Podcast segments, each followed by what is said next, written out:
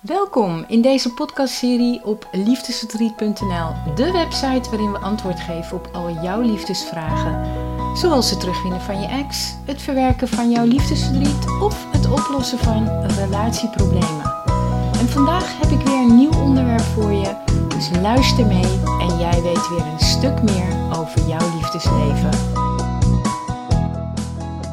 Hallo, hallo lieve luisteraars. Vandaag wil ik het gaan hebben over de periode na de relatiebreuk. En die periode noemen we ook wel radiostilte of de periode van geen contact.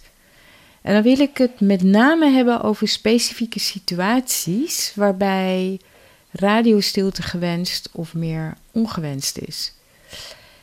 Op mijn website liefdesverdriet.nl heb ik jaren geleden al eens uitgebreid geschreven. Um, en dat artikel dat heet dan Radiostilte, het stappenplan van A tot Z. En in dat artikel uh, vertel ik het belang van radiostilte. Ik geef daar tips over hoe je het beste radiostilte kunt starten. En hoe lang het moet duren hoe je het het beste kunt volhouden, et cetera, et cetera. En ook op mijn YouTube-kanaal kun je mijn video vinden waarin ik je tips geef om hier goed mee om te gaan. Maar ondanks dat alles is het voor veel mensen nog steeds niet duidelijk of radiostilte in alle situaties nu wel het handigste is om te doen. Nou, de laatste tijd heb ik hierover nog wat vragen gekregen van lezers en luisteraars. En die vragen gaan vooral over situaties waarbij er ook kinderen in het spel zijn. Of wanneer een koppel nog steeds samen onder een dak woont. Terwijl de ene partner eigenlijk al lang besloten heeft om een punt achter de relatie te zetten. Ik wil in deze podcast dus meer ingaan op dit soort situaties en je mijn visie geven hierop. Of jij uiteindelijk dat gaat volgen, is natuurlijk helemaal aan jou. Maar toch nog eerst even mijn antwoord op de vraag van de meeste van jullie: waarom is radiostilte dan zo belangrijk en wat is het nut hiervan? Nou, het gaat er in de eerste plaats om dat je je emoties onder controle hebt en je niet laat leiden door die emoties, want dat leidt natuurlijk vaak tot situaties waarvan je achteraf ja, behoorlijk spijt kan krijgen. Daarom is het vaak nodig om rust te nemen na de breuk. En dat geldt niet alleen voor jou, maar ook voor je ex. Niet alleen bij jou zitten die emoties hoog, hè? ook bij je ex. Ook al ben jij degene die gedumpt is. Nou, en die emoties en gedachten worden overigens vaak veroorzaakt doordat een onbewust patroon of oude pijn wordt aangetipt. Ik zeg je heel duidelijk onbewust. Want dat wil zeggen, je bent je er niet bewust van dat die oude pijn nog steeds een rol speelt. Maar het speelt allemaal op de achtergrond in je mind. En je kunt tijdens die periode van radiostilte emoties voelen, zoals die van angst. Denk je bij bijvoorbeeld aan verlatingsangst.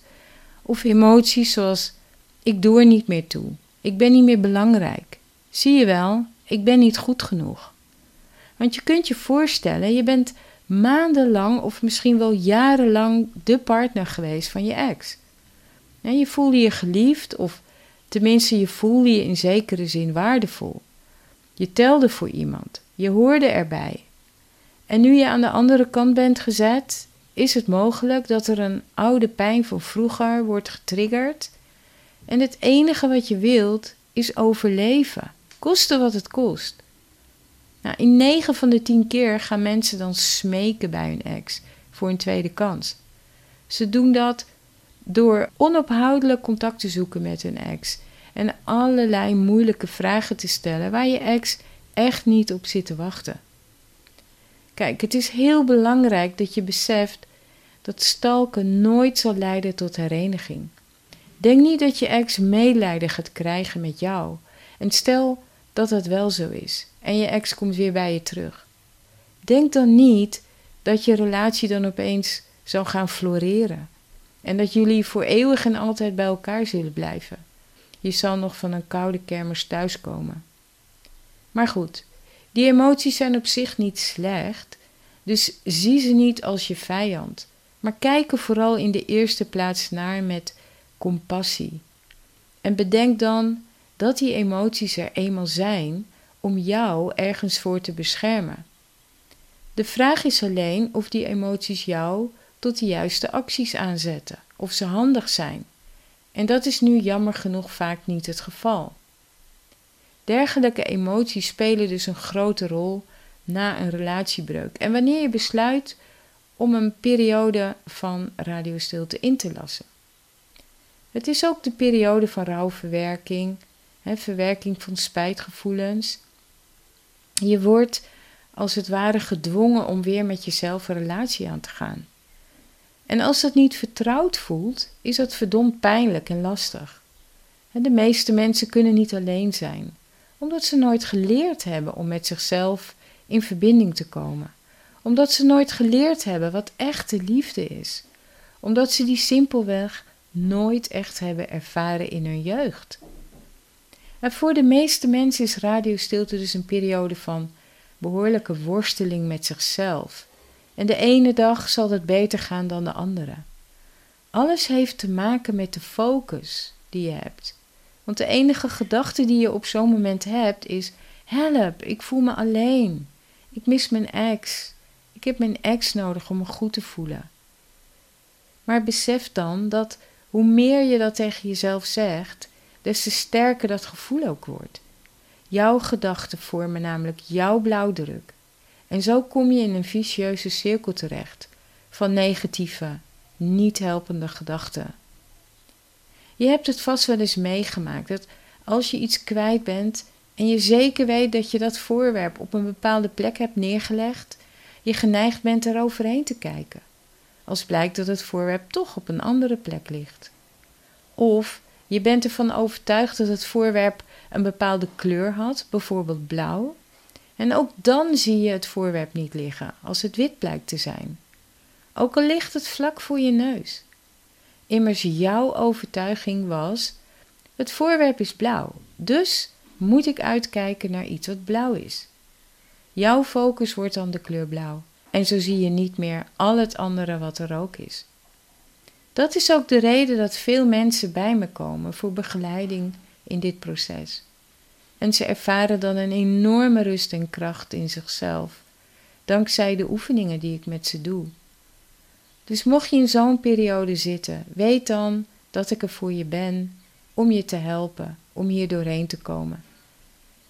Weet dan dat ik er ben om je te helpen om de juiste keuzes te maken en de beste versie uit jou te halen, zodat jij weer aan je werkelijke bestemming kunt beantwoorden.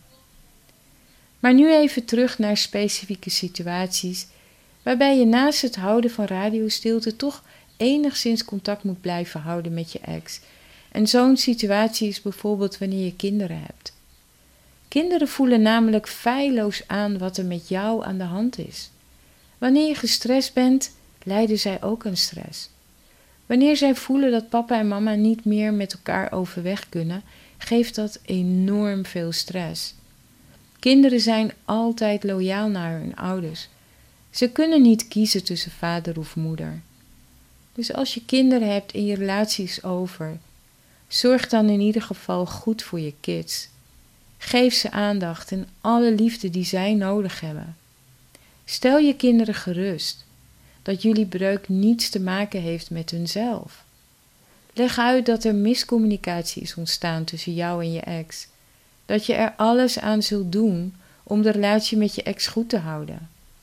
Geef je kinderen het voorbeeld van hoe het hoort. En ga je ex niet lopen afzeiken waar je kinderen bij staan. Praat dus altijd met respect over een vader of moeder. Maar hoe doe je dat dan verder in de communicatie met je ex als er kinderen zijn en je wilt toch enigszins niet overkomen als wanhopig? Wel laat je ex in eerste instantie weten dat hij of zij je altijd kan benaderen als het over de kinderen gaat, maar dat het voor nu toch wel verstandig is dat jullie beide rust nemen. Je mag best af en toe een foto sturen van je kind, zodat jullie beiden kunnen genieten van bijvoorbeeld schattige momenten. Zeker als je hele jonge kinderen hebt en je beleeft leuke momenten met hen. Natuurlijk kun je dan die momenten delen, maar doe dat niet iedere dag en stuur dan ook echt foto's die de moeite waard zijn. Geef je ex vooral niet de indruk dat je foto's stuurt om aandacht te zoeken of aandacht te krijgen, want dan misbruik je eigenlijk het feit dat je kinderen hebt om die aandacht te krijgen.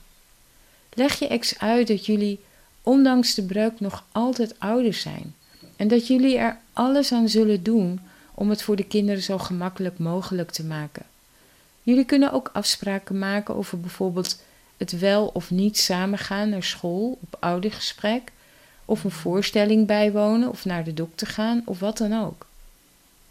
Een andere situatie waarbij je je zeker niet strikt aan radiostilte hoeft te houden, is de situatie waarbij je ex een einde heeft gemaakt aan de relatie omdat hij of zij van mening was dat je onvoldoende aandacht gaf.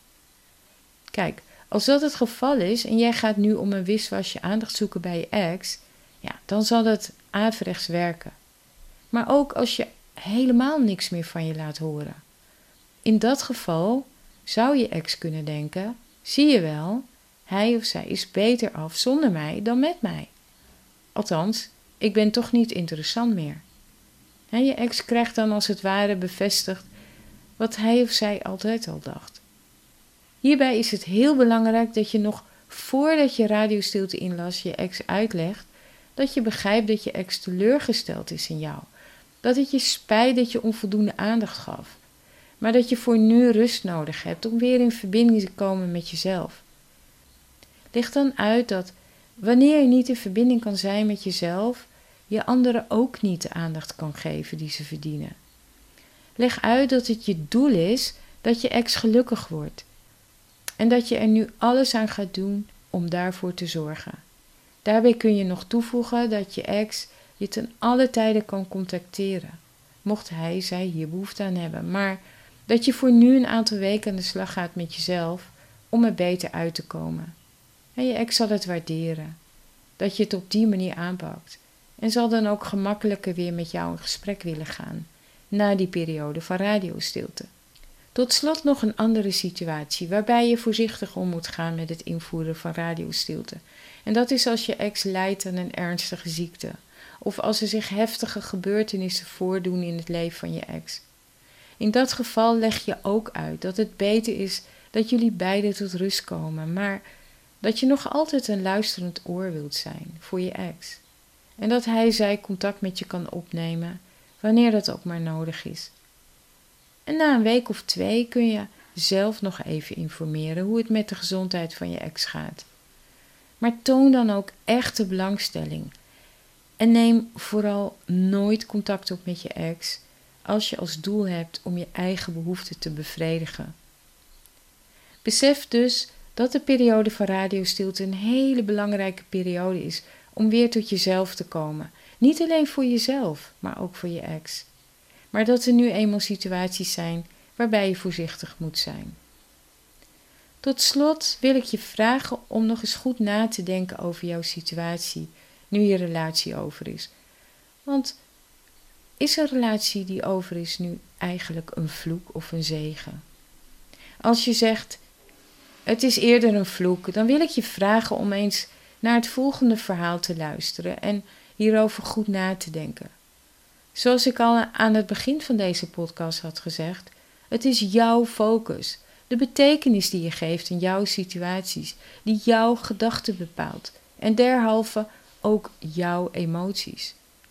Jouw breuk hoeft niet per se een vloek te zijn, het kan ook een zegen zijn. En ik wil in het kader hiervan jou het volgende verhaal vertellen, zodat je zal inspireren om anders naar jouw situatie te kijken. Hier komt het. Er leefde eens een man aan de noordelijke grens van China. Op een dag rende zijn paard zomaar weg naar de nomaden aan de andere kant van de grens. Iedereen trachtte hem te troosten, maar hij zei: Waarom weten jullie zo zeker dat dit geen zegen is? Enkele maanden later kwam zijn paard terug en nam een prachtige hengst van de nomaden mee. Iedereen feliciteerde hem, maar de man zei: Waarom weten jullie zo zeker dat dit geen ongeluk is? Hun huishouden was een fraai paard rijker, waarop de zoon graag reed. En op een dag viel hij en brak zijn heup. Iedereen probeerde hem te troosten, maar de vader zei: Waarom weten jullie zo zeker dat dit geen zegen is?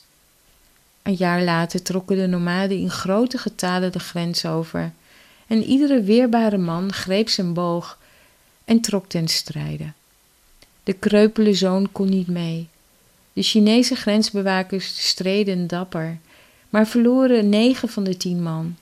Alleen doordat de zoon kreupel was, overleefde hij. Zo konden hij en zijn vader voor elkaar blijven zorgen. Goed, ik ben alweer aangekomen aan het eind van deze podcast. En ik hoop dat je het waardevol vond.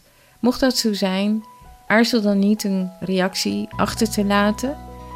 En mocht je interesse hebben in begeleiding of in een van mijn e-books, bezoek dan liefdesriet.nl. Schrijf je in ieder geval in voor de gratis extra terugwinnen training.